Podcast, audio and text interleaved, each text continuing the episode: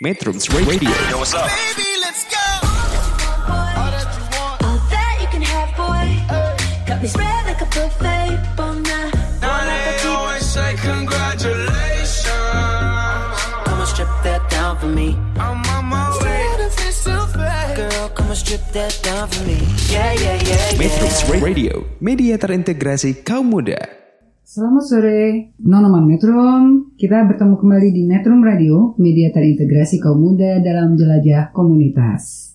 Nah, hari ini kita akan berbincang-bincang bersama teman-teman dari Pro Fauna Indonesia. Di sini sudah ada Pak Singgi, Kakak Singgi katanya. Oke, kita panggil dia Kakak ya. Kak Singgi, eh, supporter eh, Pro Fauna Indonesia dan juga Kak Dandi Supriyadi. Iya kakak. Baiklah Teteh. Selamat sore Kak Dandi. Selamat sore Teteh. Dari em, Profauna Jabar, Ja- eh, Jawa Barat Iya. atau kita panggil sebagai representatif Profauna Jabar bersama saya sendiri Herlina dan sore ini kita akan membahas masalah bagaimana caranya menjadi wisatawan cerdas dan bijak selama liburan. Buat teman-teman yang masih liburan dan ingin jalan-jalan ke tempat liburan yang menurut Anda menarik misalnya ke tempat wisata alam hati-hati loh ya menjadi wisatawan. Karena menjadi wisatawan itu harus bijak dan tidak boleh uh, membuat kerusakan di tempat yang kita tuju. Begitu kira-kira. Anda bisa mengikuti juga ya uh, buat teman-teman. Siaran ini bisa diakses lewat metrum.co.id atau aplikasi lewat Android Metrum Radio dengan Instagram at metrum.co.id Twitter juga bisa metrum.co.id dengan FB juga bisa. Kalau nggak punya Instagram atau Twitter ya lewat FB lah, lewat Facebook di @metrum.co.id. Oh iya, ada Pinterestnya juga loh. Pinterestnya nih. @metrum.co.id, lain Metrum Radio ya. Baiklah eh, teman-teman, kita akan mulai eh, diskusinya hari ini tentang menjadi wisatawan bijak dan cerdas. Saya akan bertanya lebih dulu pada Pak Singgi. Oh, Kak Singgi. Nah, eh, Kak Singgi, Iya, kira-kira untuk kalau yang kita lihat sekarang nih ya kondisinya rata-rata wisatawan Indonesia dan wisatawan asing nih sekarang lagi banyak di Indonesia kan Hmm, musim libur gitu ya. mm, Kelihatannya perilakunya seperti apa? Sehingga kita harus mengingatkan pada teman-teman Nonoman Metro agar cerdas dan bijak dalam berwisata. Silakan Pak Singgi. yang pasti sih jangan meninggalkan sampah sembarangan ya, gitu. Terus eh, kalau yang seneng naik gunung ya, kalau bisa sampahnya dibawa turun lagi, gitu kan. Hmm. Eh, apa? Terus kalau yang hmm, seneng berenang-renang, semua segala macam kayak begitu atau eh, free dive atau eh, snorkeling, jangan injak karang, Mm-mm. karena karang itu Terumbu hidup karang ya. Terumbu karang Hmm. karena karena mereka itu hidup gitu dan eh, jangan menyentuh juga jangan apalagi nginjek gitu ya. Nah, sama Menyen- patah gitu ya. Mm, ya, iya. aku mau nyelam. Heeh, selfie sambil selfie selfie gitu kan suka ada yang suka ada yang megang tuh yang kembang-kembangnya kayak gitu Iya, gitu. kan itu jangan warna-warna eh, Hmm. jangan jangan lah jangan sampai kayak begitu. jangan pegang-pegangan. Mm-mm, gitu. iya. Kalau menyelam juga eh, kan dia rentan nih kalau terumbu karang tuh rentan banget sama cahaya ya. Betul, jangan kalau seandainya kita motret eh, makro atau apa gitu juga jangan karena kebetulan saya juga fotografer walaupun bukan bukan underwater fotografer gitu ya.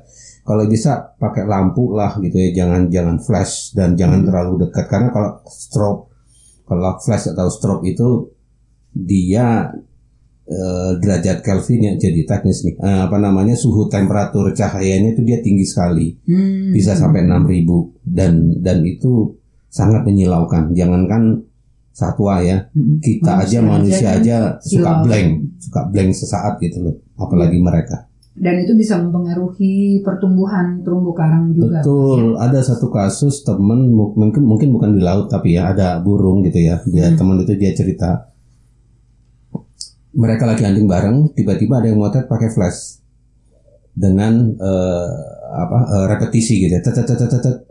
dan gak lama kemudian si burung itu gubrak pingsan Oh saking Hmm. eh, kagetnya bukan kagetnya ya. Black out. Saking ya black Black out out. karena cahaya tadi cahaya terlalu menyilaukan dia. Iya, betul. Dan juga kalau ya kan banyak nih wisatawan yang memang ya pasti lah ya kalau kita berlibur nggak mungkin nggak bawa kamera Betul. gitu. betul. Jadi memang hobi banget teman-teman eh, kita Hmm, milenial hmm. yang sekarang sedang liburan Hmm, nih, iya, liburnya hmm, cukup hmm, panjang, hmm, baru akan masuk lagi pertengahan Juli. Iya. hmm, Itu mereka pasti akan jalan-jalan dan Iya. sudah mempersiapkan kamera, termasuk Betul. kamera HP.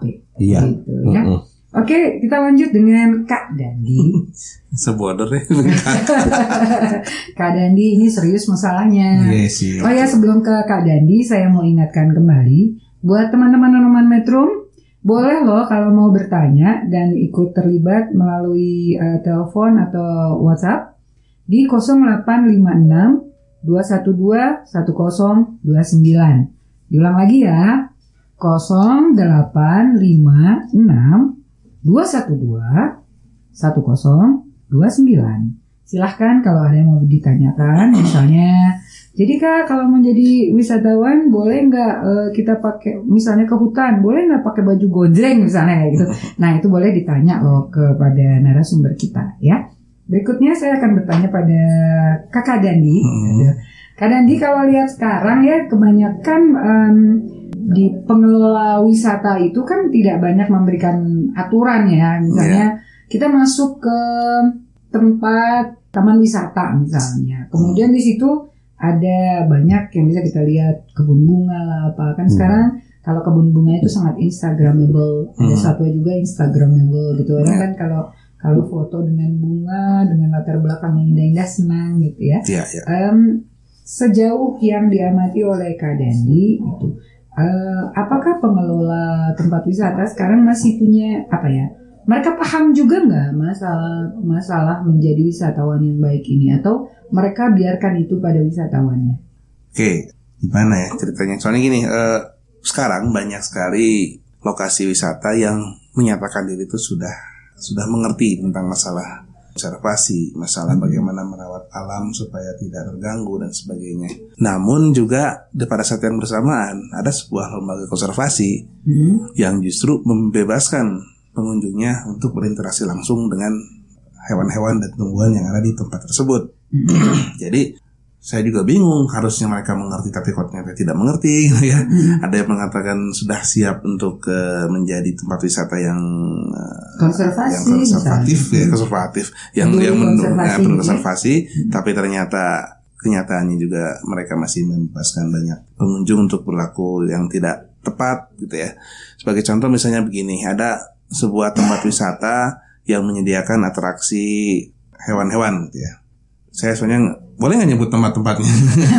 Gak apa-apa kayaknya. Jadi Ya. mungkin teman-teman juga ada yang pernah ke sana Iya, bisa iya, iya. memberikan laporan karena juga karena ketika saya bilang lembaga konservasi sebenarnya hanya beberapa tempat yang termasuk ke dalam kategori itu. Salah satunya adalah kebun binatang ya. Iya, inisial atau inisial aja. inisial KB Umpamanya kebun binatang mau kebun binatang mana gitu jadi KB apa gitu. Ah. Oke, KB ini gitu. KB. ya gimana gimana KB. Jadi di kebun binatang tersebut sudah jelas kan sebenarnya aturannya, aturan konservasi itu adalah kita harus sedapat mungkin eh, menjaga eh, kesejahteraan hewan atau animal welfare di tempat tersebut. Namun ternyata ketika ketika pengunjung datang, si pengurus lembaganya itu tidak peduli dengan animal welfare seperti menyediakan kandang yang terlalu kecil atau membuat kandang untuk hewan tapi di bawahnya di semen itu kan itu hal yang tidak tidak apa namanya tidak pas dengan animal welfare. Dan yang paling parah adalah mereka pun membuka kesempatan kepada pengunjung Mm-mm. yang sebenarnya kurang tahu tentang masalah animal welfare untuk melakukan interaksi langsung seperti Mungkin uh, Memberi kakak makan. bisa menjelaskan yang dimaksud animal welfare itu apa ya? Jadi animal welfare itu sebenarnya adalah eh, pedoman untuk siapa pun sebenarnya yang yang yang peduli terhadap konservasi satwa untuk eh, memperlakukan satwa dengan cara menjaga kesejahteraan mereka. Ada setidaknya ada lima lima apa namanya eh, lima Poin. lima poin ya dalam dalam animal welfare itu. Hmm. Salah satunya adalah tidak membuat hewan stres, Mhm. menjaga menjaga satwa dari penyakit gitu ya Merasa nyaman lah membuat mereka merasa nyaman berperilaku normal nah itu berperilaku alamiah alamiah. Gitu. Apalagi tuh Pak? Baru Nah, tiga Pak? baru empat. Saya sedang ingat satu lagi sebenarnya. bebas dari lapar dan Wah itu, haus. oke. Dan bebas dari rasa sakit Rasa- juga. Ya tadi udah, yang sakit udah tadi. Iya, iya. Satu lagi lapar dan haus. Nah, kadang-kadang justru si pengelola KB tadi justru membuat atraksi untuk membuat apa, pengunjungnya senang untuk menonton dengan cara membuat binatangnya banyak bergerak, gitu kan. Padahal ketika hewan banyak bergerak kayak kayak se- seekor singa berjalan bolak-balik misalnya, itu sebenarnya adalah pertanda dia sedang stres. Jadi sebenarnya di, si pengelola itu sedang mempertunjukkan hewan sedang stres. gitu. Hmm. Itu kan nggak aneh memang. Itu bagusnya gimana ya? Jadi uh, wisatawan bagusnya gimana kalau berkunjung ke kebun binatang Ya. atau ke taman safari? Nah itu saya akan bicarakan nanti di segmen berikutnya Eh, Karena sekarang saya sedang tadi menjawab pertanyaan yang Seperti apa sih tempat wisatanya kan Apakah Iya, mereka mengerti atau tidak gitu Iya, kan mm. Nah harus seperti apa pengunjungnya nanti eh, akan kita bahas selanjutnya Tapi dari dari segi pengelolanya itu tadi Bahwa ternyata mereka harus juga memiliki kepedulian Bahwa yang mereka lakukan mungkin tidak sesuai dengan eh, Apa namanya eh, prinsip-prinsip konservasi Berarti mereka juga nggak tahu sebetulnya. kemungkinan besar yang harusnya sudah tahu ternyata mereka belum tahu. Eh, contoh lain kan kita bisa lihat tuh eh, di taman misalnya Brexit, eh Brexit, Brexit gitu ya. Koreksi. itu em, ada burung. Sekarang di beberapa tempat tuh masih mereka Banyak, banyak. menawarkan burung hantu, ular sebagai Iya. bentuk sebagai em, Untuk uh, Atra- selfie atraksi. ya. Dia- dia- diajak foto, diajak Ah, foto. diajak Ya, itu juga. gitu. ya sepertinya banyak yang lupa atau tidak sadar gitu bahwa yang mereka ajak selfie itu sebenarnya binatang-binatang yang pertama binatang yang sensitif, uh, yang seharusnya yang sebenarnya mereka tuh sangat rentan dengan bersentuhan fisik dengan manusia dan yang kedua mereka adalah hewan nokturnal. Hewan Nah, yang biasanya hi- hidup Malam malam hari hari, ya. Tapi kemudian diajak bangun siang-siang hanya untuk berfoto bersama pengunjung. Pengunjung yang awam ya senang-senang aja kan berfoto dengan hewan eksotis. Cuman kadang-kadang mereka nggak berpikir gitu bahwa si hewannya sebenarnya sedang sedang terbangun dengan terpaksa gitu. Sehingga mereka kemungkinan juga akan stres lagi Iya. gitu. Nah, oke. Sementara kita break dulu, kita rehat dulu. Uh, Bincang-bincang ini buat narik napas. Dan kami tetap mengundang para metronom untuk bergabung lewat WhatsApp atau telepon di 0856 212. Nah, itu ada yang masuk? Nah, sekali lagi 0856 212 1029. Metrums Radio, media terintegrasi kaum muda. Ya, kembali lagi bersama Metro Radio, media terintegrasi kaum muda dalam jelajah komunitas. Bergabung kembali di acara bincang-bincang mengenai menjadi wisatawan cerdas dan bijak. Guys, Guys, guys, pendengar metronom, eh, kita kembali lagi untuk membahas mengenai masalah wisatawan cerdas Yap. dan wisatawan bijak ya. Dan acara ini bisa diakses melalui web di metrum.co.id atau lewat aplikasi Android Metrum Radio, Instagram at metrum.co.id. Tenang, masih banyak media sosial lain yang bisa diakses, yang bisa dipakai untuk mengakses Metrum Radio, apalagi bincang-bincang semacam ini ya, yaitu Twitter at metrum.co.id dan Facebook at metrum.co.id dan mereka yang hobi banget membuka Pinterest bisa juga sekaligus mampir loh melipir di at metrum.co.id dan lain Metrum Radio. ada, Atau ada juga radio gardennya sekarang ya. ada radio gardennya juga loh gitu. Atau ah, bisa nih yang hobinya akses-akses YouTube, YouTube gitu. Silahkan membuka channel Metrum Radio dan kita bisa berbincang-bincang atau terlibat secara interaktif lewat WhatsApp di 0856 212 1029. Oke, kembali lagi bersama narasumber kita, Kak Cindy dan Kak Dandi. Ah, Eh, dari Profauna Indonesia dan Kak Dandi dari Profauna Jabar dan Kak Dandi jabatannya sebagai representatif ya Iya. dari Profauna Jawa Barat. Nah kembali pada masalah eh, wisatawan bijak karena kita juga tahu kalau was- wisatawan tidak bijak itu bisa merusak lingkungan. Kalau lingkungannya rusak maka kita tidak tidak bisa lagi berwisata ke Iya. tempat itu. Jadi yang rugi ya orang kita kita Yang juga. rugi kita kita juga. Oke. Kembali eh, kita bicara mengenai teman-teman metronom, terutama kaum milenial yang hobi ke gunung, gimana sebaiknya nih eh, Kak Singgih buat teman-teman misalnya ini kan kita sering banget nih kalau mau berangkat ke gunung nyiapin mie, nah, Hmm. atau makanan instan, Hmm. ya Iya, bubur yang tinggal diaduk-aduk, iya, gitu. mm-mm. itu sampahnya tuh banyak. banyak Hmm. Kan betul. selama kita lihat juga Kak Singgih mungkin punya pengalaman dalam memotret uh, satwa liar ke gunung ke hutan gitu, Hmm. masih menemukan banyak sampah di situ. Eh, lumayan ya, lumayan banyak. Eh, jadi kadang-kadang eh, saya sengaja menyiapkan kantong plastik sendiri. Jadi sambil motor pulangnya tuh sambil Menyisir ya, nyisir Operasi nenteng, Kenapa ada sebut operasi semut ya? karena suka gotong-gotong. Iya. sambil nenteng sampahnya orang-orang lain gitu. Tapi ya nggak apa-apa, jalanin aja gitu loh. Dari Hmm. kita toh bisa dibilang membantu alam memperbaiki dirinya sendiri gitu. Nah Jadi- sekarang yang mau saya tanyakan Iya. adalah daripada mereka membawa makanan instan ke gunung, Hmm. sebaiknya membawa bekal apa nih? Kalau misalnya akan tinggal di hutan selama dua atau tiga hari.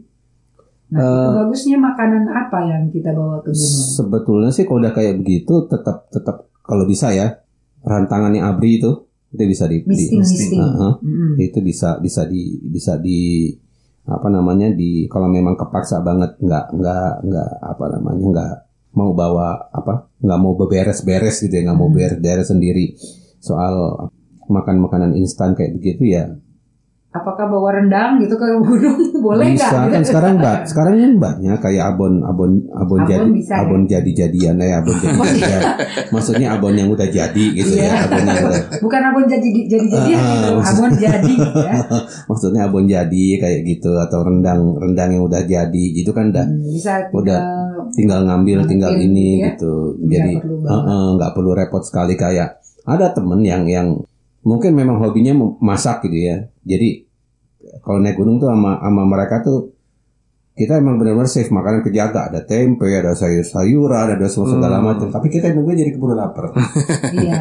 gitu Karena memang biasanya mie instan itu paling gampang. iya Padahal betul sebetulnya kalau di dalam perjalanan seperti itu makan mie instan itu bisa membawa, membuat kita lebih rentan, rentan gitu ya, karena betul kandungan kita tetap harus menjaga betul badan. heeh. memang standar sih Indomie Cornet internet tuh itu udah udah standar sama nasi gitu ya Hmm. itu yang yang standar eh, seperti umpamanya saya saya kalau saya memang biasanya seperti itu hanya memang masalahnya mau nggak kita bawa pulang lagi sampah itu gitu Iya. loh Hmm. gitu sebaiknya kita memang Kalau jangan tuh sampahnya dibakar di sana boleh nggak? nggak bisa jangan karena ke- karena bungkusnya gimana pun kan plastik plastik Iya. itu kan dia Dibakar pun tidak terlalu banyak. nggak eh, eh, 300 tahun baru 30 tahun, Hah? Plastik 30 eh 300 tahun. 300 300 tahun 300 tahun baru baru ini baru apa namanya baru bisa terurai gitu dan Jadi mungkin nanti Kak Cindy bisa kasih tips gitu ya apa aja sih sebaiknya kalau eh, makanan atau sayur-sayuran atau mau masak apa sih yang gampang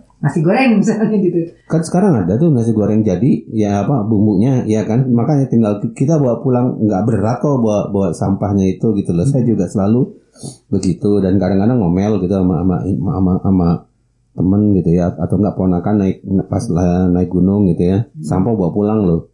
Gitu. Jangan ditinggal jangan di sana. ditinggal di sana. Iya. jangan mentang-mentang mereka menyediakan lubang untuk membuang sampah tapi terus kita buang di situ. Sama aja kita nyampah juga Iya. kita nyampah di gunung cuma bedanya kita memindahkan sampah di sungai kita pindahkan sampah itu di gunung Walaupun dipendam tidak bisa terjadi. tidak ya. bisa Right. kecuali kalau memang itu eh, kulit ya kulit pisang Organik. kul- eh, yang organik Sama-sama itu organik. it's okay nggak apa-apa gitu loh Bisa jadi pupuk bisa malah jadi ya. pupuk betul Tapi hati-hati juga nanti dia bawa tomat padahal bukan daerahnya jadi invasi Iya. lagi. Nah, untuk itu jangan sampai ini ya. Artinya eh, waktu saya ke kebetulan pa- patroli sekalian motret gitu ya di Pulau Sempu, itu ada tanaman-tanaman yang bukan tanaman situ. Kayak salak. Ini ada salak dari mana gitu loh. Hmm. Iya kan, pohon Iya. salak gitu loh, semua segala macam. Ini ini kan tanam tanaman in- invasif gitu dan kebetulan wilayahnya itu wilayah cagar alam mungkin waktu belum ketat kan banyak ya, eh, banyak wisatawan yang ke sana atau Iya. mungkin secara nggak sadar sambil makan gitu kan buang Apa, sambil iya, makan iya. buang sambil makan buang akhirnya tumbuh lah itu lah, ya. gitu jadinya mereka Apa jadi ya bahayanya kalau kemudian ada tanaman eh, seperti itu apa bahayanya? kalau cadar alam dia sangat jadi jadi ini mengganggu mengganggu habitat tanaman yang lain gitu loh jadi eh, akarnya a- akan mengambil eh, apa namanya eh, jatah Jatah ma- makanan. jatah makanan yang lain Yang asli iya ya, betul. Heeh, kayak begitu Oke, eh, kita berlanjut ke Dandi. Ini kan kadang-kadang kalau kita masak di gunung nih, baunya tuh ke mana-mana gitu. Aduh, ya. Itu kan bisa bisa mengundang Mengundang. eh, orang lain lapar itu pasti ya. Fatwa atau apa gitu. Gimana caranya supaya tidak kemudian menjadi eh, membahayakan buat wisatawan itu sendiri? Oke, sebenarnya kalau teman-teman yang biasa naik gunung dan camping udah tahu caranya gimana ya untuk membuat dapur yang membuat apa namanya eh, penahan eh, sesuai dengan arah angin. Gitu ya. Mhm. Jadi kita bikin bikin dapur apa sih dapur dapur yang untuk di camping tempat Iya. camping ditutupi oleh biasanya orang pakai ponco aja ya dipasang gitu ya pasang di, di- di- eh, dipasang itu dari arah eh, angin angin angin bertiup sehingga si masakan kita eh, baunya itu tidak akan tertiup oleh angin ke arah Mhm. eh, hutan gitu Hmm, itu salah satu caranya sih hmm. walaupun betul yang namanya masak tuh nggak mungkin apalagi kalau masaknya serius ya kayak saya tahu nih teh titin kalau kalau kalau ke gunung itu serius banget kalau bawa bahan makanan Ya, tapi tidak mulai instan loh. ya justru itu itu tadi sebetulnya saya kode gitu Iya. Saya tahu yang maksud siapa sebenarnya. itu. Nah, membawa rendang, gitu. Nah. siapa yang bawa rendang? telur asin gitu kan, kemudian diperebutkan gitu kan. nah, itu ya apalagi kalau kita masak masak langsung ya dengan bahan-bahan yang bisa kita pakai masak di rumah itu kan baunya semer- semerbak banget gitu dan itu memang ti- tidak bisa di Jadi nggak perlu bawa terasi Hindari. gitu ya ke sana gitu. Jangan bikin sambal gitu yang mengundang gitu ya.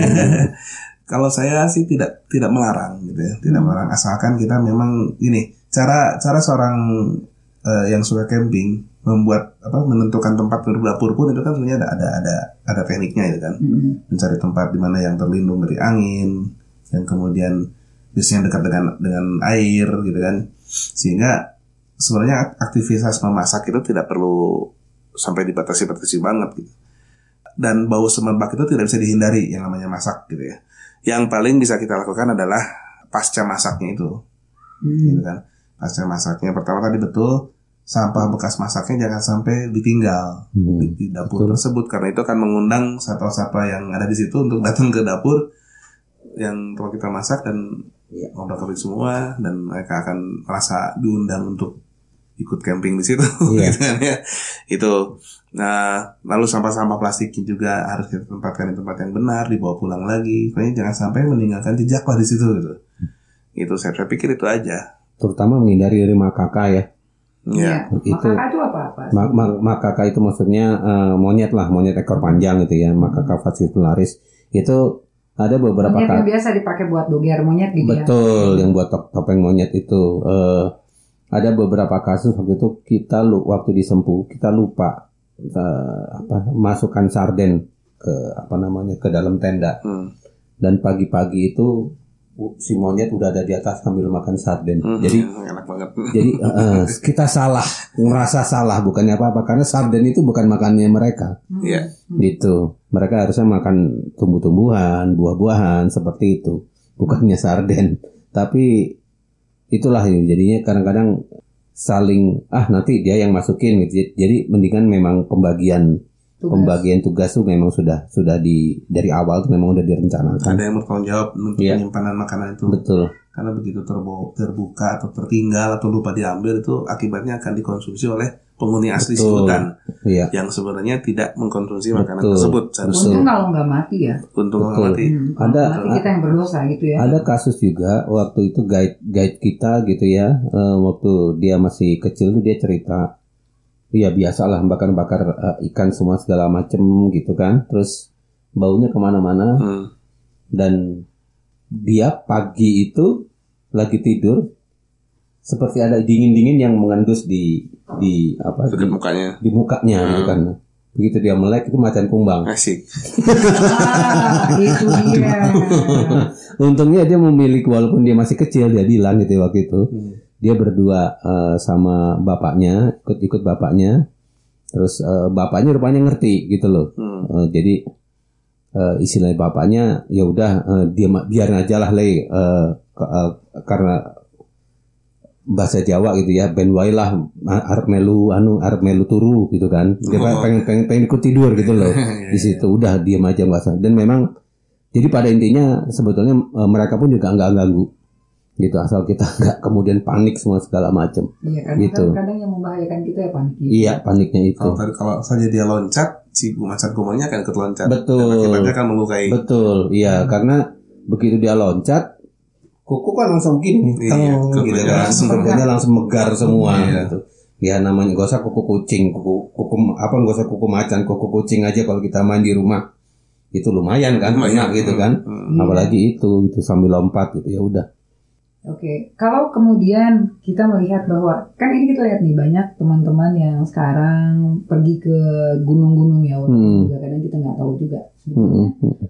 apa sih yang dicari wisatawan di gunung selain suasana gitu, atau ada pengaruh nggak dari media massa misalnya kayak kita pernah tahu dulu film, film beberapa Lima film, senti. nah 5 cm atau uh, film apa juga tuh yang pergi ke hutan gitu, itu mempengaruhi nggak orang-orang untuk untuk naik gunung? Eh, kadang-kadang iya jadi eh, eh, beberapa temen yang memang memang eh, senang naik gunung dan benar se- senang naik gunung ya bukan bukan terus kemudian meninggalkan sampah semua sembar eh, sembarangan itu rata-rata mengeluh rata-rata mengeluh gara-gara film 5 cm itu Hmm. banyak pendaki gunung dadakan Iya. istilahnya mereka gitu loh. Jadi eh, apalagi yang ke Semeru itu mendadak mendadak brr, banyak gitu loh. Jadi udah udah kayak pasar. Terus eh, mereka juga bilang udah nggak asik gitu loh ke ke ke ini terlalu rame banyak kayak gitu. Jadi eh, efeknya ya karena mereka dadakan rata-rata nggak tahu aturan kayak gimana. Apakah di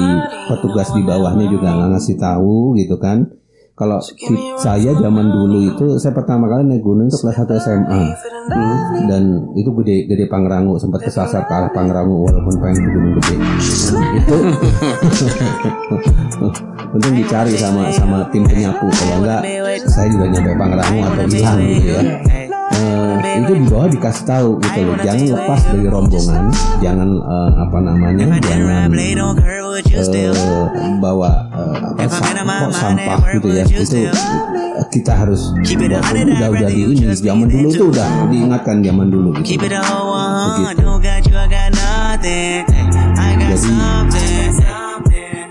Eh, gon' saran saya ya tetap tetap kebersihan itu harus kita disiplinkan dari dari diri kita sendiri gitu Iya, loh iya, iya. gitu jangan sampai kita menjadi malu karena ada orang bule yang kesasar tahu jalan pulang gara-gara ngikutin sampah Oh iya, Jadi Iya. itu menyesatkan ya. iya Oke. Ada juga kejadian gitu ya. ada ada kejadian itu Karena ada sampah, berarti ada orang pernah lewat sini. Dia Iya. ikutin terus tuh. dan, tapi dan, dia, dan dia dan dia hafal gitu loh Hmm. jadi dia dia tersesat dia dia tahu Hmm. berarti kan dia tahu bahwa Iya. bahwa eh, pendaki kita ini banyak yang senang menyampah kan gitu kan dan untuk kembali ke trek dia ngikutin sampah itu gitu loh Iya iya iya. iya.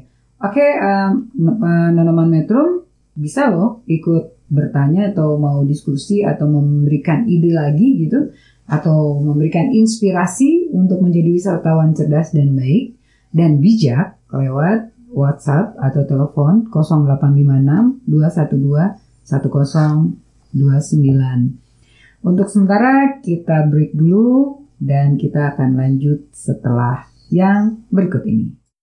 Metrums Radio, media terintegrasi kaum muda.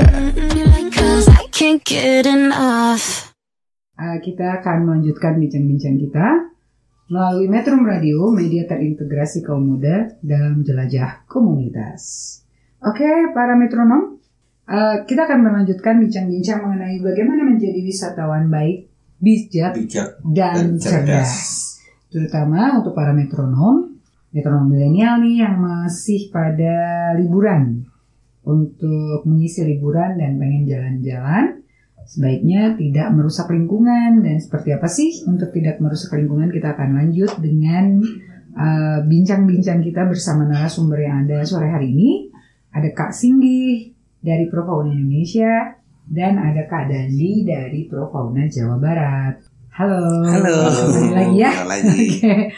Eh, teman-teman Nonoman Metro juga bisa berinteraksi dengan eh, kakak-kakak di sini, kakak-kakak di sini eh, lewat WhatsApp atau telepon eh, di 0856 212 1029. Dan acara ini bisa diakses lewat website metrum.co.id, aplikasi Android Metrum Radio, Instagram at metrum.co.id, Twitter at metrum.co.id, nah, nggak pakai dot. Iya. Teman-teman juga bisa juga bisa akses acara ini lewat Facebook at metrum.co.id dan buat mereka yang suka cari foto-foto atau apa gitu ya eh, gambar-gambar di Pinterest melipirlah ke at metrum.co.id atau buka line Metrum Radio juga bisa lihat di YouTube di channel Metrum Radio ya Eh, kita lanjut hari ini perbincangan sore yang sekarang ini kan udah mulai mulai adem-adem gini ya. Hmm, tadi panas banget. Ya, Bandung ini cuacanya antara 31 sampai 16 derajat sungguh luar biasa apalagi di gunung gitu ya. Iya. Kembali ke gunung ini. Kalau teman-teman dengan dengan cuaca seperti ini hati-hati yang mau ke gunung ya. Eh, hati-hati karena cuacanya bisa jadi sangat ekstrim maka harus Betul. menjaga kebugaran tubuh. Dieng terakhir saya dengar minus 7. Di Dieng. Dieng. Ah iya bener dia yang betul. Betul. Itu yang membuat kadang-kadang tanaman Mesin. itu jadi ada Jadi es, iya, mobil susah, mobil susah di starter. Hmm. betul karena Bikin panik deh pokoknya. Ya hati-hati lah ya buat teman-teman yang mau berangkat yang mau ke gunung di masa liburan sekarang ini karena katanya itu adalah hembusan angin pasat dari Australia dan kita masih berlanjut dengan bagaimana menjadi wisatawan yang bijak dan cerdas eh, kalau kita pergi ke gunung. Ya, ya. Oke Kak Dandi, ada tips lain kalau ke gunung Hmm. eh, kan sering kali nih teman-teman tuh suka ingin memberikan kenang-kenangan di gunung. Nah, misalnya lagi kayak di film 5 cm siapa tuh tokohnya yang jatuh cinta sama cewek dan menyatakan di gunung harus aja membuat coretan, di Coretan. pohon gitu ya. Iya, iya, yang iya. pakai gambar lope-lope Oh, iya, ada itulah. dikasih panah cie-cie lah pokoknya Cie-cie. gitu Gak usah sirik gitu dong teh.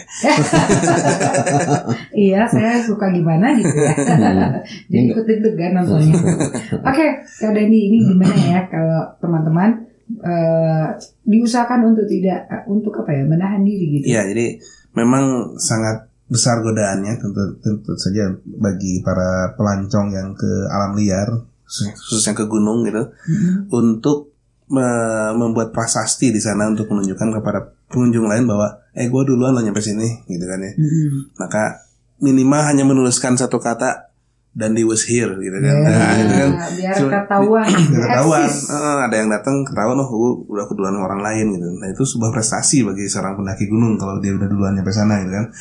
Nah itu memang godanya kera, apa besar sekali. Tapi yang jarang diingat oleh teman-teman yang naik ke gunung itu adalah bahwa yang kita lakukan itu jahat.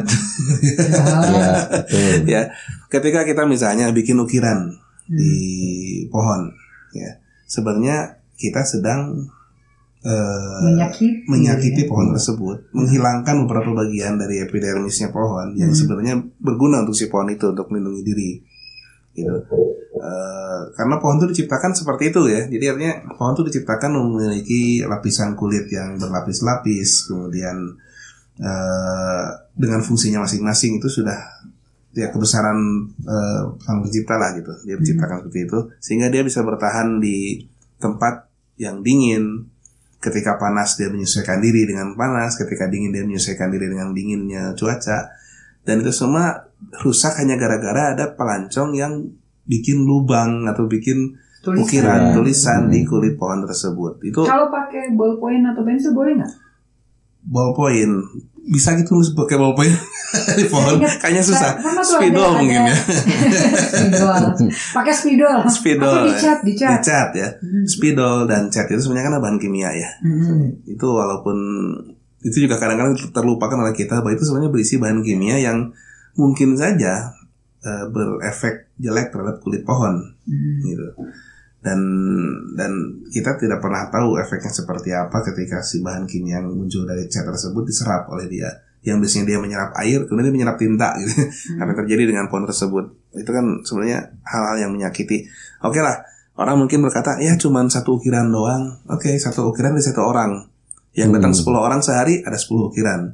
Iya. seminggu ada 70 orang. Ini setahun ada berapa ukiran pohon pohon pohon itu akan akan sangat menderita. Hmm, jadi nggak usah lah nulis. Uh. Misalnya uh, David love uh, Dina misalnya Hmm, gitu ya. Itu ya kalau terus lanjut ya kalau kemudian turun gunung putus ya Wah, gitu. Wah, pohon itu bangun dendam gitu ya. Jadi, Dendam ya. uh, jadi nggak usah lah termasuk I love mama gitu nggak boleh ya. Nah, mama mama udah tahu kok kita lebih ya. Tulis di pohon. pohon pohon Mamanya nggak peduli. Bener pohonnya nggak peduli. Terus selain pohon juga kan batu juga sama ya. Selain pohon kita juga suka Iya. ngecat ngecat batu, Hmm, coret-coret apa Coret-coret. minta-mintain batu gitu. nggak mindahin batu gitu ya. Eh, yang perlu disadari oleh teman-teman atau metronom yang suka jalan ke gunung bahwa apa yang kita lihat di gunung itu semua adalah sebenarnya adalah benda hidup. Hmm. makhluk hidup dan mereka tuh punya fungsi di alam. Gitu. Dengan bentuknya seperti itu, dia tuh memiliki fungsi. Maka ketika kita menambahinya dengan hal-hal yang tidak berguna, ada kemungkinan fungsinya akan eh, hilang. Dan seperti yang tadi katakan Mas Teh Titin, ketika hilang yang rugi siapa ya kita kita juga kan. Gitu. Nah, begitulah. Jadi kita harus lebih bijak gitu ya untuk tidak mengganggu alam eh, atau ya makhluk-makhluk itu di habitatnya, Ya, termasuk tadi tanah, batu, pohon. Hmm. Ah, termasuk yang teman-teman kadang suka lihat, ih bunganya bagus, cabut. nah itu dulu wes utang contoh yang paling Hmm, satu yang di, di Jawa Barat itu kan di Papandayan ya, yang sebenarnya sekarang juga sudah diter- terlarang oleh wisata untuk datang. eh, di daerah Gunung di Kawah di Gedung Guntur di Kawah Gunung Papandayan sana itu terkenal dengan adanya bunga Edelweiss. Iya. Sebenarnya dari awal penjaga di bawah itu udah bilang dilarang, dilarang, Mhm. dilarang membawa pulang Edelweiss. Tapi saking banyaknya pelancong yang datang ke sana, ya tidak bisa dikontrol juga kan banyak juga yang kemudian bawa pulang gitu Edelweiss. Mungkin perlu pasang CCTV di sana.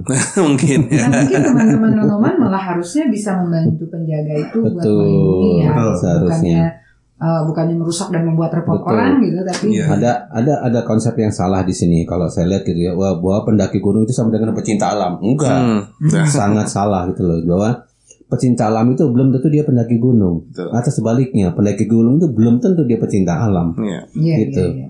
Cuman daki, daki gunung semua segala macam pulang bawa oleh-oleh apaan. Itu bukan mencintai alam tuh namanya. Kan.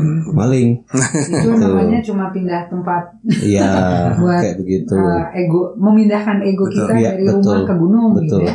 banyak pendaki gunung yang sebelum pergi ke gunung memiliki apa memiliki niat untuk menaklukkan gunung tersebut. Iya, betul. Itu kan sebenarnya sebuah kesombongan yang luar biasa dari seorang manusia gitu ya. Hmm. Ngapain juga dia ter- eh, menaiki sebuah gunung dengan tujuan menaklukkan, mem- membangga-banggakan diri ke bahwa dia sudah berhasil naik gunung tersebut.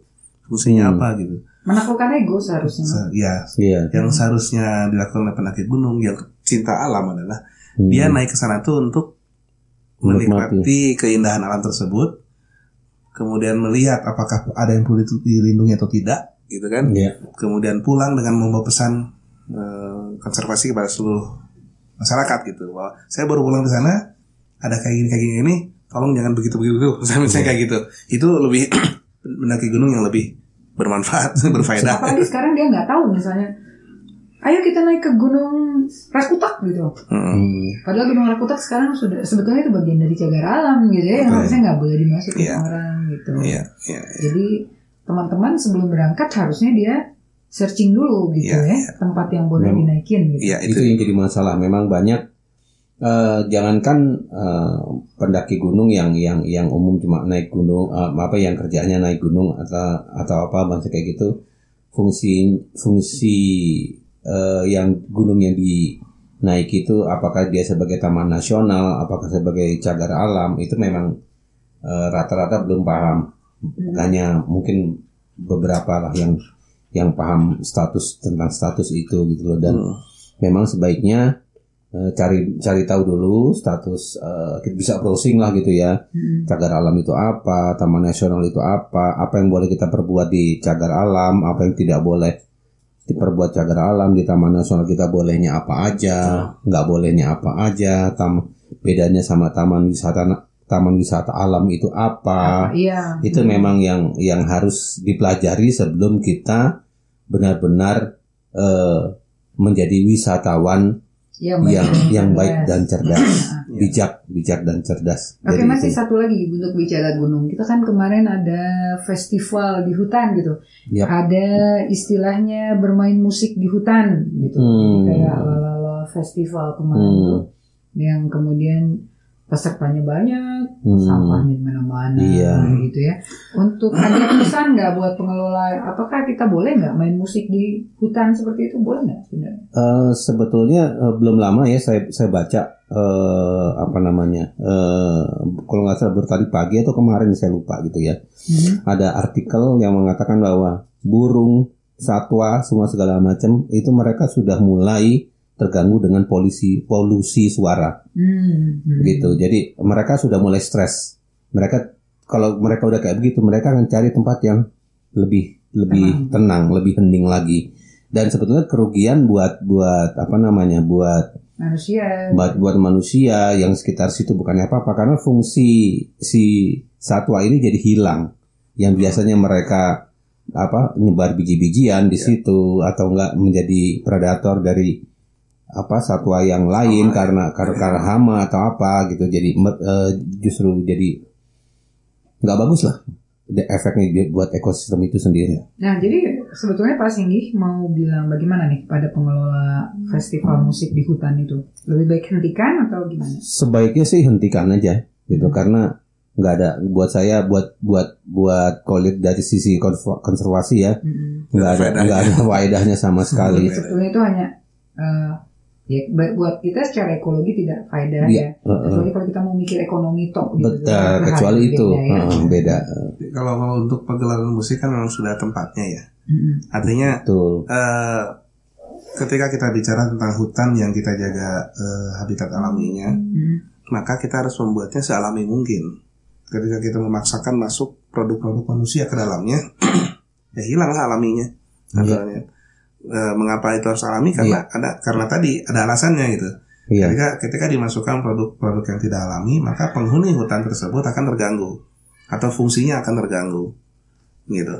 Jadi eh, mesti ditanya dulu sama si pengelola acara tersebut mengapa harus membuat eh, festival musik di tengah hutan gitu. Hmm. Tujuannya apa? Apakah tujuannya hanya untuk sensasi saja, untuk kepentingan manusia saja, gitu? Karena jangan lupa ketika dia masuk ke hutan, maka seharusnya yang dia pikirkan bukan, bukan cuma manusia aja kok, iya betul hutan itu juga punya punya kepentingan, Punya Iya. hak. punya Iya. hak untuk hidup Mm-mm. juga gitu. iya Dan ketika kita dengan sombongnya sebagai manusia masuk ke sebuah alam yang natural, kerugian akan kembali balik lagi ke manusianya lagi.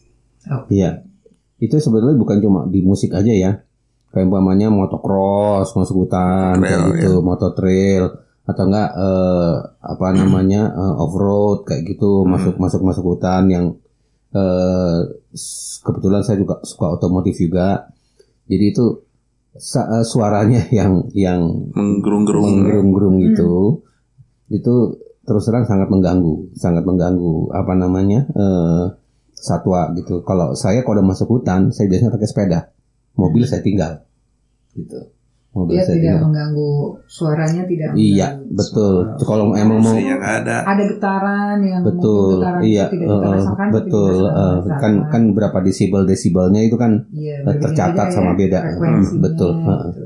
kayak gitu terus seandainya balik lagi tadi kalau kita mau menyatakan saya ada di mana saya udah sampai di sini saya pernah ditanya sama temen eh gue nggak pernah ngeliat lu eh, kalau lu apa namanya foto selfie lu udah sampai mana sampai mana nggak ah bohong lu gitu loh Hmm. nggak pernah No Kan- hoax sih. Eh, No pick no ho eh, no pick means hoax. kalau saya bilangnya kan udah ada fotonya itu satu Iya. udah ada foto saya situ.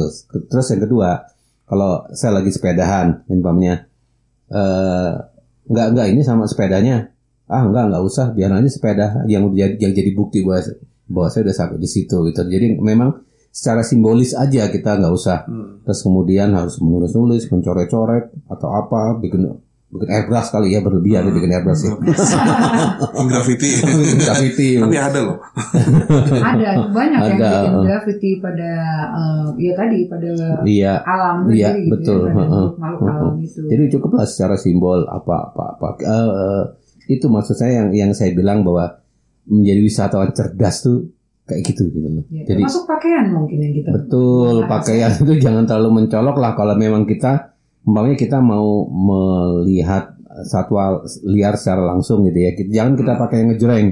Mereka kabur pasti. gitu jangan pakai yang or- orange apa hijau ngejreng atau pink. Kenapa itu Pak Sinji? Eh, mera- mereka me- merasa terganggu.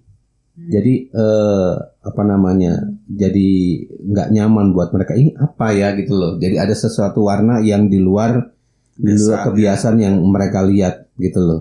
Makanya saran saya biasa gunakan warna-warna gelap atau warna-warna hijau yang yang lembut atau eh, baju-baju kamuflase kayak begitu Ada kalau memang kaitan misalnya nih dia pakai baju uh, warna tertentu gitu yang kemudian membuat sinar matahari itu mantul gitu misalnya yang membuat suhu menjadi lebih meningkat nih misalnya gitu.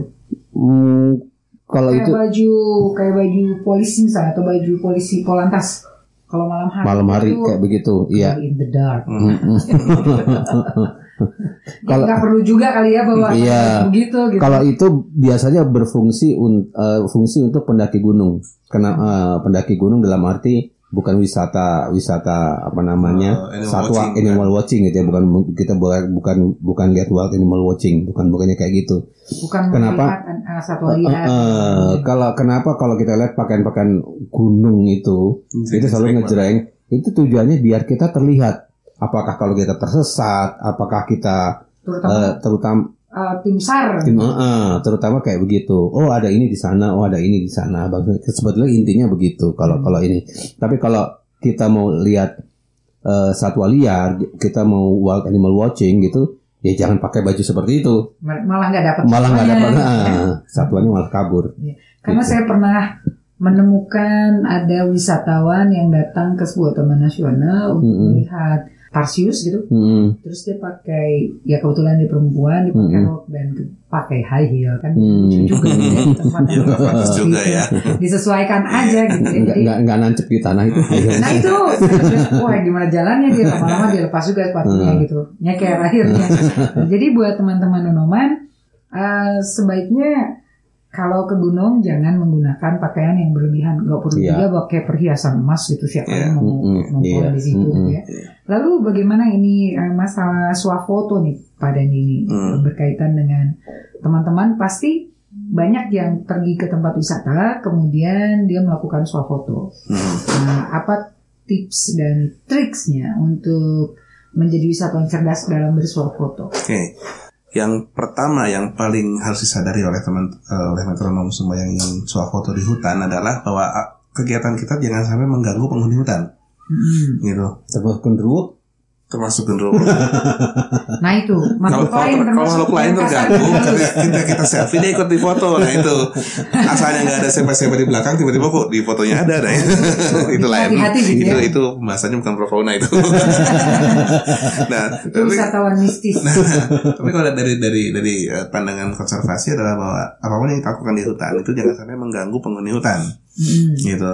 Ada orang yang kemudian selfie tapi maksa, ya, maksa karena pengen selfie di sambil berfoto bersama tarsius misalnya. Hmm. Dia manjat pohon, gitu kan. Hmm. Si tarsiusnya di, dipaksa untuk membuka tangannya, gitu, atau digendong, kemudian dia selfie.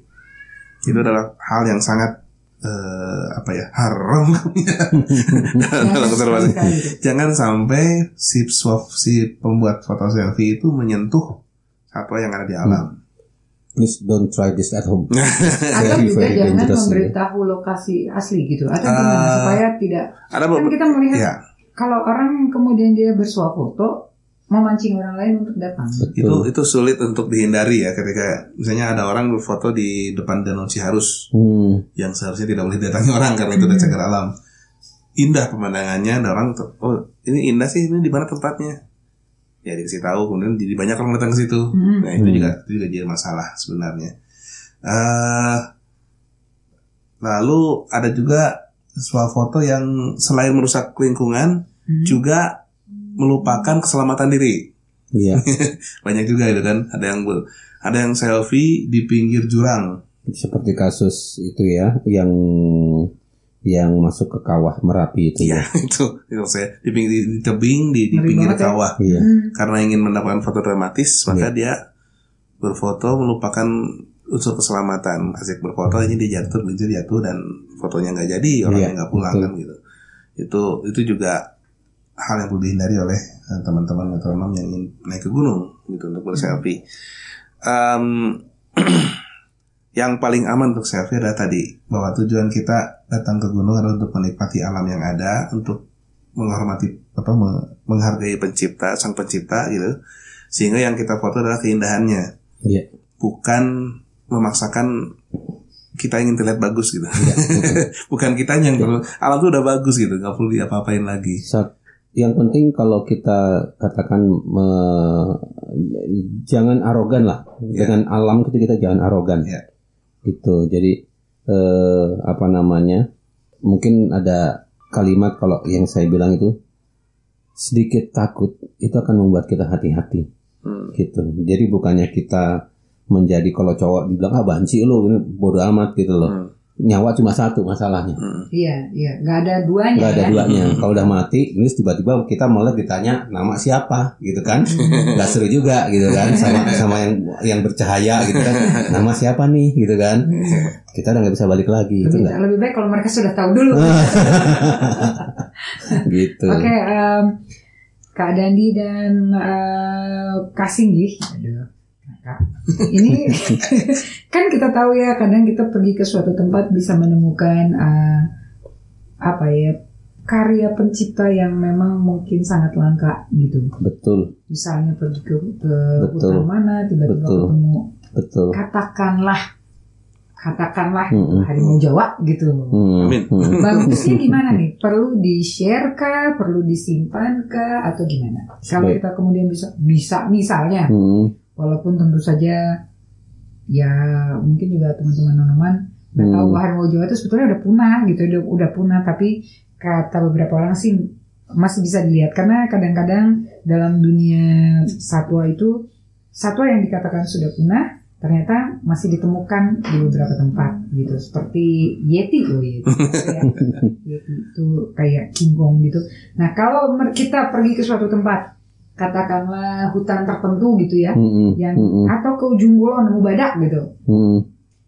perlu nggak kita eh, swafoto terus disebarkan atau kita- katakanlah kita ambil fotonya terus kita bilang bahwa Hai kita nemu badak gitu itu gimana? Kalau dia spotnya memang sudah diketahui umum, artinya eh, ujung kulon memang tempatnya badak, orang udah tahu gitu. It's okay nggak apa-apa. Tapi kalau memang satu spot yang eh, apa namanya kita menemukan umpamanya gini tanaman ya katakan gitu ya. Eh, saya pernah menemukan tanaman itu Rafflesia patma bloom. Mhm. Itu dia tanaman endemik Pangandaran. Mhm. Jadi waktu itu saya diamin aja foto itu gitu. Cuma beberapa saya tunjukkan ke teman-teman peneliti aja palingan. Hmm. Oh nemu ini, nemu ini, nemu ini, bahasanya kayak gitu gitu. Itu sangat sangat endemik Pan- Pangandaran. Nggak Dan- nggak- nggak disebarkan di Enggak. mana di mana Enggak, menemukan. baru dua tahun kemudian Hmm. saya posting dan baru mereka tanya gitu. Itu di mana? Oke, sebutin apa-apa karena itu karena memang dua tahun dua tahun pasti udah udah berbeda ya. Heeh, mungkin dia mungkin sudah pergi ke mana gitu. betul dan pin- mungkin udah nggak di situ lagi tumbuhnya di sebelah mana lagi gitu. Jadi Nah, kayak bunga bangkai ya kan? Betul, bunga bangkai kan juga bisa dibilang entar di sini entar kadang dia geser, Iya. tapi geser gitu. Mungkin sekitar situ tapi geser-geser aja. resikonya kenapa kita menghindari untuk share penemuan kita yang eh, langka-langka di alam karena ketika kita share terutama di di era media sosial ini sekali kita share itu ribuan orang kan langsung tahu dan bagi yang tertarik dengan apa yang kita temukan dia akan mencari lokasi tersebut Iya, akhirnya lokasi betul. tersebut akan terkontaminasi oleh Iya. banyak manusia Hmm. Betul. Dan kalau manusia datang sampah lagi deh. Iya. sama lagi dan Hmm. masalahnya jadi bere- Kerusakan jadi kan. beresiko terhadap kehidupan si eh, Makhluk ini. bi- Makhluk itu. si makhluk langka tadi Iya. udah mah langka kemudian didatangi banyak orang hilang Iya. Oke, eh, begitulah eh, para metronom ya. Kalau pergi ke mana-mana, dan melihat sesuatu yang langka jangan kemudian segera di share menahan diri sedikit lebih baik gitu ya Iya. demi, Hmm. demi orang lain kita It- tidak itu sulit memang. Iya. gitu ya. Memang kita juga pengen dipuji gitu ya Iya. pengen di like and eksis, share ah, Ya, iya. subscribe dong gitu kan Apalagi Insta- apa Instagramable gitu kan. Instagram Oh. keren pisan Oh, gitu. iya. Kayaknya harus disampaikan gitu. Pokoknya Jadi gitu, injek-injek tanaman. ya, bagi nggak sadar gitu, Heeh. sampai nggak sadar. Oke kita eh, rehat dulu sementara karena ini tadi baru, barusan masukannya banyak sekali dan sangat penting buat para nonoman metro. Kita rehat dulu sementara sambil mendengarkan yang berikut ini. Metrums Radio, media terintegrasi kaum muda.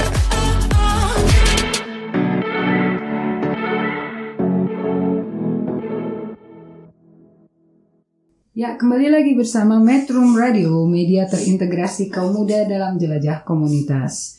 Oke, Nonoman Metrum, sore ini kita masih lanjut dalam segmen terakhir dari bincang-bincang menjadi wisatawan cerdas dan bijak. Terutama buat Nonoman Metrum yang akan main-main ke mana? Yang Ke akan main-main liar. ke Ke mana? gunung. ke, ke liar. aja? Ke mana aja? Selama yang mau liburan. ke mana-mana gitu ya. Mm. Eh, berkaitan dengan eh, musim libur Mm. yang masih panjang, kurang lebih masih lebih tiga minggu ya, sekitar tiga mingguan Iya, lagi iya, gitu. iya, iya. Jadi daripada bosen pengen main, ah, gimana kalau kita main ke pantai gitu. Hmm. Jadi ada apa sih di pantai? Biasanya di pantai banyak sekali Air. Air laut Pasir. dan satwanya gitu ya. Pasti dong pengen makan ikan, Iya, pengen iya. lihat-lihat di daerah tertentu ada em, orang ingin melihat penyu, walaupun kita juga nggak tahu sebenarnya mereka ingin melihat penyu tuh ingin lihat apanya gitu ya. Oke, Nonoman Metrum bisa berinteraksi, memberikan ide, mau bertanya atau apa pun lewat WhatsApp atau telepon di 0856 212 1029. Dan Metrum masih bisa mengakses atau kasih tahu temennya gitu ya. Dengerin yang ini gitu, bolehlah di website metrum.co.id, aplikasi Android Metrum Radio, Instagram at metrum.co.id, Twitter at metrum. at metrum.co.id, Facebook at metrum.co.id. Tapi selain yang tadi disebut, eh, para metronom juga bisa mengaksesnya lewat Pinterest di metrum.co.id serta lewat line Metrum Radio. Atau di channel YouTube Metrum Radio ya. Silahkan loh mau berinteraksi dan berbincang-bincang bersama kami dan memberikan ide. Misalnya begini eh, kalau kita mau ke pantai atau ke gunung bagusnya sih bersiap-siap menggunakan eh, sunscreen yang ramah lingkungan. Nah Nonoman Metrum atau para metronom ini barangkali punya ide sunscreen yang ramah lingkungan itu yang seperti apa silahkan disampaikan karena kadang-kadang sunscreen itu bisa merusak juga air laut kalau uh, karena dia mengandung bahan kimia Hmm. dari sekian ribu orang yang datang ke pantai pakai uh, sunscreen sunscreen gitu Hmm. dengan SPF sekian sekian Sunblock. sunblock dan ca- dan larut di dalam Hmm. laut itu juga bisa membahayakan makhluk laut yang ada di situ. Jadi kalau ada yang punya ide-ide eh, tentang make up atau alat eh, melindungi kulit Melindungi kulit. eh, yang lebih ramah lingkungan, silakan ya disampaikan karena teman-teman yang lain juga banyak yang belum tahu barangkali ya. Oke kita lanjut dengan berwisata ke pantai. Nah, kita akan santai di pantai, gitu ya, mantai gitu lah. Kira-kira tapi Iya, jangan pantai. sampai ngantai gitu. Eh, kita akan bicara eh, berbincang-bincang mengenai kunjungan ke tempat-tempat eh, satwa laut itu berada, misalnya penyu. Enggak, Kang Dandi, kalau eh, ada nggak eh, tips seperti apa sih menjadi wisatawan bijak kalau kita berkunjung ke tempat penyu? Oke. Eh, tempat penyu itu kan ada dua ya. Di tempat penyu yang ber, apa, tempat mereka mendarat secara alami Hmm. atau penangkaran, ya kan. Nah, eh, yang perlu diingat sama teman-teman itu bahwa walaupun itu alami ataupun penangkaran, sifat penyu itu sama. Penyu itu adalah satwa dilindungi Hmm. yang dilindungi oleh undang-undang. Ada sembilan jenis penyu di dunia Dan Tujuh. tujuh. Tujuh. Sembilan. Nggak sembilan satu udah udah punah. Yang yang Oh, paling iya, gede itu sih? punah. yang yang paling gede itu sih? Nah ada tujuh ya. Dan enam di antaranya ada di Indonesia ya. Hmm. seperti itu. Nah enam di antaranya ada di Indonesia. Bayangkan betapa kayanya Indonesia yang memiliki penyu hampir semua penyu di, di Dunia. dunia itu sen- se- senang mendarat dan bertelur di Indonesia. Hmm. Nah itu itu adalah hewan yang dilindungi karena hampir punah gitu. Nah untuk hewan yang dilindungi aturannya jelas. Kita tidak boleh bersentuhan, tidak boleh mengkonsumsi, tidak boleh menjual berjual beli apa pun yang ada dalam tubuh penyu termasuk telurnya itu tidak boleh dipergunakan oleh manusia. Nah itu yang yang si- harus harus diingat semua oleh oleh metronom gitu. Itulah eh, prinsipnya. Nah baru-baru ini lagi viral berita tentang orang yang berfoto sambil menginjak penyu gitu ya. Mereka kira itu perbuatan yang menyenangkan dan lucu gitu karena si penyu yang yang lucu dengan apa namanya dengan dengan eh, apa karapas tempurung yang keras itu adalah binatang yang unik. Kemudian sepertinya berfoto bersama binatang seperti itu akan menjadi menarik untuk dilihat orang lain. Maka mereka berfoto sambil menginjak-injak penyu tersebut Dikiranya kuat gitu ya. pikirannya kuat Hmm. sebenarnya emang kuat sih sebenarnya tempurungnya Hmm. tapi di bawah tempurung itu kan ada ada penyunya gitu dan itu sebenarnya adalah sangat-sangat menyiksa binatang tersebut nah untuk metronom yang tertarik untuk melakukan yang hal yang sama perlu diingat bahwa sekali lagi penyu adalah binatang yang sangat langka yang dilindungi oleh undang-undang dan kita sebagai manusia tidak boleh sembarangan menyentuh gitu ya menyentuh jadi jangankan menginjak menyentuh Menyentuh pun nggak boleh. sebenarnya Kayak lagu kan. Iya. nah, kayak gitu. Itu itu prinsipnya ya, Teh ya. Nah, terus tadi ada pertanyaan menarik. Emang kalau orang wisata ngeliat penyu emang apa yang dilihat gitu? Hmm. Sesungguhnya ketika ada tempat wisata yang menawarkan eh, wisata penyu, sebenarnya juga orang yang datang ke sana juga tidak melakukan banyak hal. Paling hanya datang melihat sudah, Sudah aja, ya. gitu doang gitu. Hmm. Betul-betul nggak faedah sebenarnya. Tapi Tap- kan orang seneng banget gitu ya senang setelah banget foto gitu. iya karena penyu itu adalah salah satu pe- peninggalan dari zaman prasejarah yang masih Ada ada sampai saat ini gitu karena mungkin mereka adalah makhluk yang sangat sabar sangat penyabar sehingga mereka bisa bertahan hidup sampai sekarang dan itu aneh kan sehingga orang tuh punya pengalaman unik untuk bisa berfoto bersuah foto dengan uh, Penyu. penyu.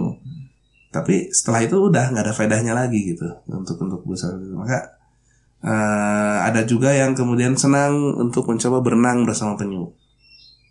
Di beberapa perairan yang ada taman lautnya itu tempat-tempat yang dalam lautnya indah gitu ya ada terumbu karangnya ada apanya itu banyak ditemukan penyu yang berenang-renang di sana. Banyak orang yang mencoba untuk berenang kalau cuma berenang saja sepertinya nggak masalah tapi masalahnya kemudian ketika dia berenang bersama penyu penyunya kemudian ditunggangin lah gitu ya kemudian dijadikan eh, Diangkat-angkat. diangkat-angkat papan Hmm. seluncur dan sebagainya itu yang yang kemudian susah sekali untuk menghindari kita untuk tidak bermain-main secara fisik dengan Bersama penyu bersama ya. penyu. Ah.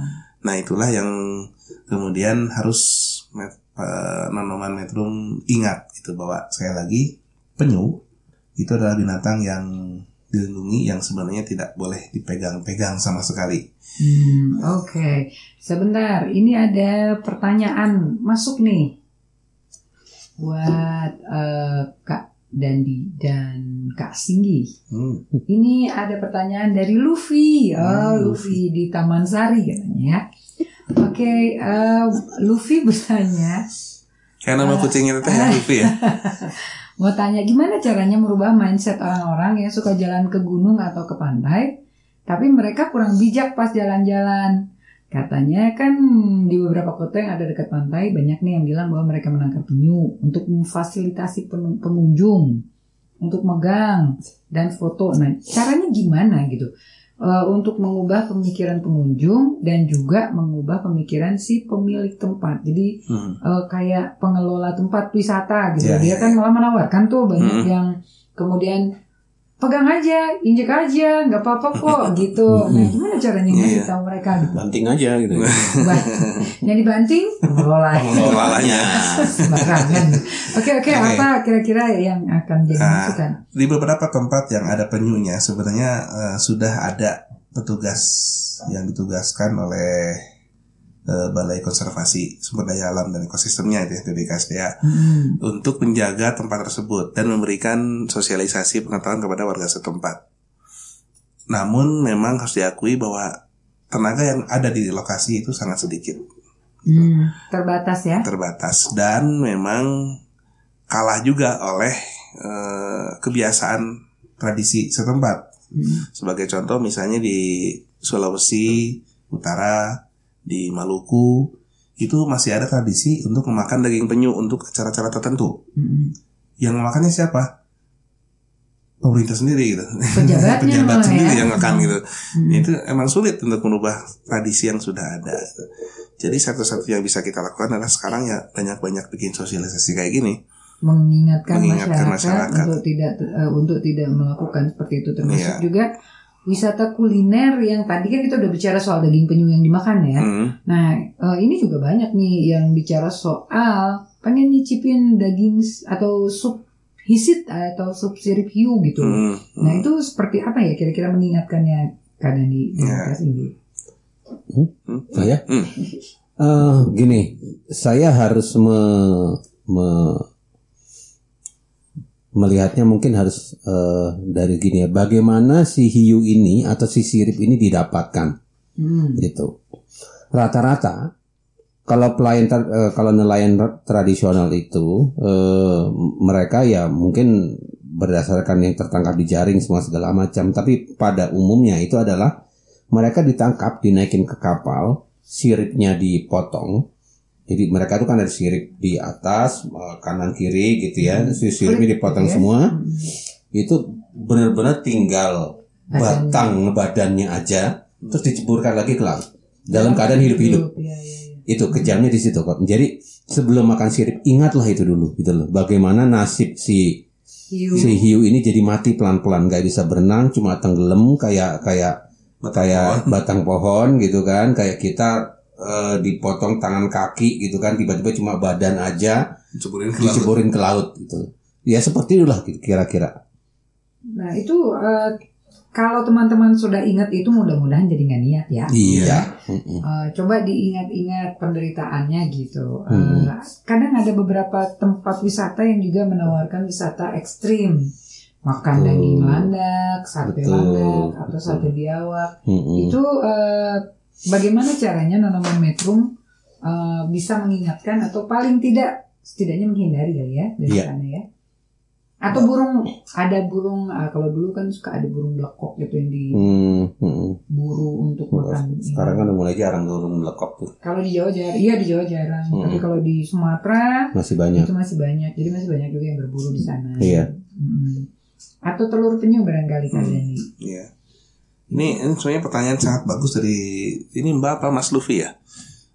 Kayaknya Mbak kayaknya kalau ini namanya. mungkin mungkin perlu diulang kali Karena kalau pertanyaan kalau emas kayaknya cocok ya. Cok, atau, atau Liko. Oh. Oke, eh, si Mbak Luffy ini saya yakinin Mbak ya, Mbak Luffy pertanyaannya bagus sekali. Bagaimana cara cara cara merubah mindset orang? Sekarang gini, mengapa banyak orang mengkonsumsi telur penyu? Mm. Gitu. Karena tersiarlah mitos bahwa mengkonsumsi telur penyu itu akan meningkatkan stamina, gitu kan. Wah. kemudian menjadi obat kuat dan sebagainya lah gitu. Sehingga tentu saja orang-orang orang-orang yang merasa lemah mungkin ingin tambah kuat akhirnya tergoda untuk mengkonsumsi. Saya terus terang dulu pernah mencobanya dan alhamdulillah ternyata saya nggak suka. Dan sampai cuma sekali kalinya saya coba itu waktu kecil dan sekarang sekarang saya nggak pernah nyoba lagi dan ternyata memang dilarang gitu ya. Mm. nah zaman Jadi- dulu mungkin belum ya belum Hmm. belum tahu bahwa itu dilarang tapi saya memang nggak suka dan, dan zaman dulu juga belum dilarang memang Dilarang, dilarang ya sekitar tahun Iya. 99 lah ya. Iya betul tahun 99 ketika peraturan itu muncul. Nah eh, jadi bagaimana cara merubah mindset? Sepertinya kita harus membuat mitos lain gitu, mengcounter mitos itu gitu. Hmm. Nah bahwa sebenarnya tidak ada sama sekali efek dari telur tersebut kepada kepada kepada kekuatan stamina Fisik. orang gitu ya Hmm. sama sekali nggak ada kemudian ya itulah banyak pembuktian-pembuktian ilmiah yang harus kita sosialisasikan jadi intinya adalah sosialisasi Hmm. Eh, karena masyarakat sudah terlanjur terbiasa dengan tradisi dengan mitos maka ya mau tidak mau untuk merubah mindset mereka kita harus menghadirkan pengetahuan lain gitu kepada mereka yang yang masuk akal dan bisa mematahkan mitos yang sudah terjadi gitu. Seperti apa ya itu? Seperti apa ini?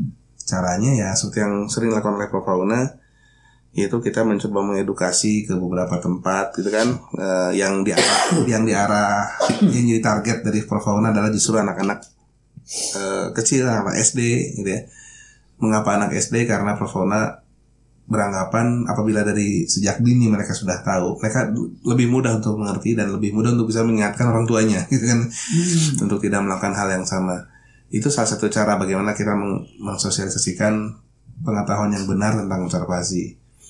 Eh, cara lain adalah tentu saja bagi teman-teman metrum yang juga mungkin ingin membantu bisa sangat sangat eh, diharapkan untuk bisa membantu. Ya seperti inilah bagaimana kita share di media massa kemudian direspon oleh teman-teman metrum di rumah gitu. Itu juga lambat laun akan dari mulut ke mulut akan tersiar juga kan ke semua orang gitu saya pikir itu adalah cara yang paling ampuh untuk merubah mindset eh, dari masyarakat Hal yang sekarang ya, ada iya, ya. betul. Atau juga lewat media-media sosial, Media media sosial, ya. secara masif mungkin gitu Ya, ya, ya. untuk tidak makan telur penyu karena juga banyak masih banyak pencurian saya dengar katanya begitu. Betul, masih banyak eh, di daerah mana ya? Di Banyak daerah Kalimantan Timur. Kalimantan Iya, Timur. ya. Iya. Hmm. Itu ternyata di Kalimantan Utaranya udah mulai aman, eh di timur malah ada gitu. Jadi ya begitulah yang namanya pencuri ya. Iya. Pindah tempat. Pindah ya. tempat gitu. mereka ter ya itu masih masih terbiasa dengan dengan eh, kultur mereka bahwa ini nggak apa-apa, ini bisa dimakan, ini kayak Iya. gitu. Ada tadi yang belum belum disinggung itu adalah eh, sebetulnya makan daging penyu itu berbahaya karena mengandung racun, mengandung merkuri. Merkuri, ya. Iya, heeh. bukan Freddie Mercury ya kalau Freddie Itu Mercury itu asik, asik. gitu. Itu racun, racun buat saya, racun asik.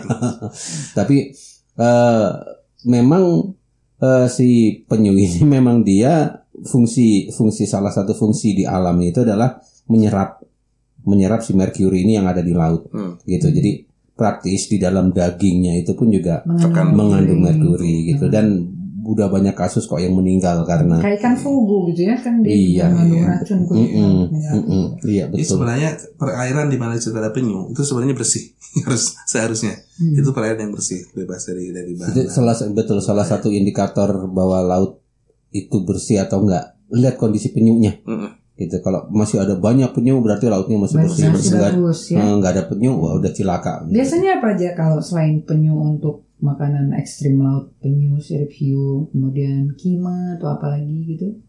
Banyak ya kayak umpamanya eh, ba- mereka kayak umpamanya mereka suka nyoba eh Kepiting. kepiting kenari ya, eh, bistro largo itu eh yang sang yang adanya itu udah udah langka, udah langka banget. Kepiting kenari. Kepiting kenari ini. Tapi saya masih lihat loh, itu kepiting kenari itu dipasarkan di beberapa daerah di Indonesia Timur. gitu. Katanya, saya pernah nanya, katanya itu hasil penangkaran. Tapi saya tanya Hmm. eh, ke beberapa eh, waktu waktu itu saya belum belum di Prafauna ya. Eh, saya tanya di, di salah satu tempat di di Sangalaki waktu itu. eh, apakah memang pernah ada gitu ya eh, penangkaran kepiting kenari? Kenari. Mereka menjawab belum.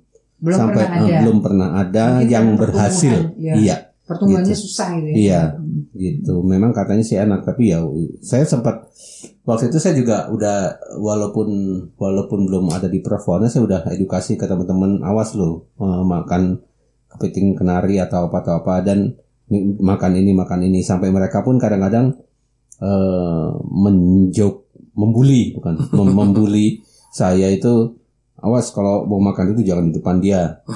Selalu selalu begitu gitu. Karena saya pasti marah. Iya, iya. gitu.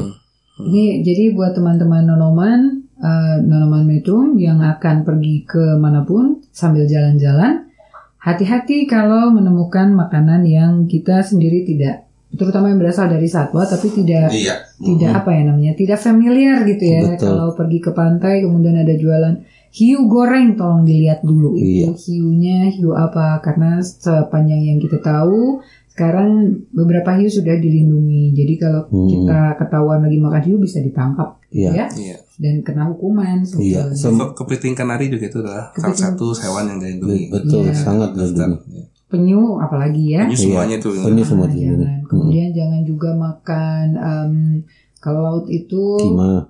kima, udah- ya kima Hmm. atau em, ikan belida misalnya. Ikan belida juga sudah dilindungi. Ikan paus jangan sekali Jangan sekali-kali karena paus bukan ikan. paus bukan ikan, dia adalah mamalia laut ya. Termasuk lumba-lumba. Oke, eh, ini sudah di seksi terakhir, seksi. Seksi. Segmen terakhir. segmen terakhir. Oke. Eh, ada pesan yang mau buat teman-teman yang akan berangkat liburan atau yang sedang di tempat liburan barangkali? Eh, kalau dari saya mungkin cuma tiga ya. Mm-mm. Jangan ambil apa pun selain foto. Jangan tinggal apa pun selain jejak. Dan jangan bunuh apa pun selain waktu. Tiga itu aja. Luar biasa. Iya. itu itu harus harus eh, memang biasa tapi harus benar-benar dicamkan Iya. dicamkan di di ini di benar-benar di eh, Dipraktekkan. dipraktekkan Ah, bukan left cuma only footprints. Heeh, soalnya kan- only memories. Cie. Mm-mm, soalnya kadang-kadang kita begitu ngeliat wah keren ya gini lupa tuh semua tiga tiga prinsip dasar Iya, itu iya, lupa iya. gitu Mm-mm. Kalau udah di gunung, jangan mikirin kerjaan. Mm-mm, Nanti nggak bisa melihat, eh, iya tidak bisa tadabbur Mm-mm. alam, Mm-mm. gitu ya. Tidak bisa bersyukur bahwa kita Iya. sebetulnya ada di Mm-mm. dalam alam Iya. dan kita kalau mau menyatakan eh, Cinta? eksiste- eksistensi gitu ya secara simbolis aja gitu loh umpamanya suka sama cewek sama siapa bawa aja barang barangnya dia atau kesukaannya dia gitu kan digantungin di mana di foto Nah, terus ambil lagi, jangan salah. Ambil lagi jangan ditinggal nanti Mm-mm. diambil orang. gitu Ya, itu bisa berbahaya. Iya. Oke, Kak Dandi, apa ini Nah, pesan-pesannya? Saya menambahkan satu jangan lagi. Hmm, Tadi ada tiga jangan. dan jangan sayur jangan bebek jangan yang keempat adalah jangan tinggalkan kecerdasan Anda di rumah. Nah, Hmm. Jadi dibawa ya ke mana-mana ya. Anda Dan jangan tinggalkan kebijakan. kebijakan karena karena sebenarnya semua orang tuh sebenarnya kalau mau berpikir sedikit semua orang tuh udah tahu kok Mm. apa pentingnya alam buat Mm-mm. manusia, apa pentingnya kita meninggalkan alam dalam keadaan alaminya. Iya. gitu. Semua orang udah tahu. Mm. Tapi karena kadang-kadang ke Ego. pengetahuan itu ditinggalkan Betul. karena ingin gua tuh mau refreshing, jangan di, jangan disuruh mikir macam-macam lah, gua mau refreshing doang. Pergi Gimana- aja nggak pikir apa-apa. Gimana, gimana Iya. saya aja lah. Gimana gua aja gua lagi refreshing kok. Nah, itu jangan sampai kayak gitu. sama itulah coba browsing apa itu eh, cagar alam apa itu Ya. Taman wisata. Itu taman wisata alam Itu salah, itu iya. taman nasional Nah, itu Iya, salah gitu. satu cara untuk tidak meninggalkan kecerdasan kita di rumah. Hmm. Jadi kita di cari tahu dulu, internet. cari pengetahuan dulu, Hmm. nah, sehingga pengetahuan itu kita bawa ke tempat kita kita jalan-jalan. Itu kayaknya akan membuat kita jadi lebih bijak nantinya. Jadi buat teman-teman nonoman uh, yang akan segera berangkat atau sudah bersiap-siap untuk jalan-jalan ke mana pun anda pergi, tetaplah menjadi wisatawan yang cerdas, wisatawan yang bijak, wisatawan yang cinta pada alam, tidak merusak alam ya. iya Gitu. betul Kemudian kalau ingin bertanya dan berdiskusi nih dengan teman-teman dari Profauna Indonesia, bisa kontak ke siapa? Ke Kak Dandi atau ke Ya, Bi- mungkin bisa lewat me- metronom untuk saat sekarang Betul. gitu ya Eh, kita apa namanya? mudah-mudahan setiap minggu akan hadir. Nah, atau bagi metronom yang penasaran silahkan saja dibuka website eh, Profauna www.profauna.net. Hmm. Di sana ada banyak informasi, juga ada nomor kontak. Gitu apabila Hmm. ada yang mau kontak sama kami, di sana ada eh, informasinya. Dan Ya. informasinya ini bebas mulai dari uh, satwa dilindungi sampai ke fotografi ya. Ya, apa pun. Insya Allah kalau fotografi Hmm. Fotografi satwa loh bukan fotografi model gitu. itu saya nyerah Oke, Nonoman Metro, uh, karena sudah menjelang pukul 17.30, saatnya kami dari Metro Radio mengakhiri bincang-bincang ini dengan dan diakhiri dengan Mandy Moore, I Wanna Be With You. Sebetulnya kita wanna be with you all the way, always gitu ya. Hmm, gitu. Dan seperti tadi I wanna be with you kata si brain, maksudnya kata kata otaknya. Jangan Hmm. tinggalkan otaknya gitu ya. Uh, kita akan bertemu lagi minggu depan dengan bincang-bincang yang lain. Uh, berbicara mengenai uh, lembaga konservasi. Konservasi. Ya, Mm-mm. Uh, kita ketemu lagi minggu depan. Jangan lupa bisa diakses di mana saja. Bisa diakses di website metrum.co.id, aplikasi Android Metrum Radio, Instagram at metrum.co.id, Twitter at metrum.co.id, FB at metrum.co.id, Pinterest at metrum.co.id, dan Line Metrum Radio. Dan ada Radio Garden Metro. Dan Radio Garden Metrum. di Metrum. Oke, sampai bertemu lagi. Assalamualaikum warahmatullahi wabarakatuh. Selamat berjalan-jalan. Metrums Radio Baby, let's go. All that you can have, boy. Got me spread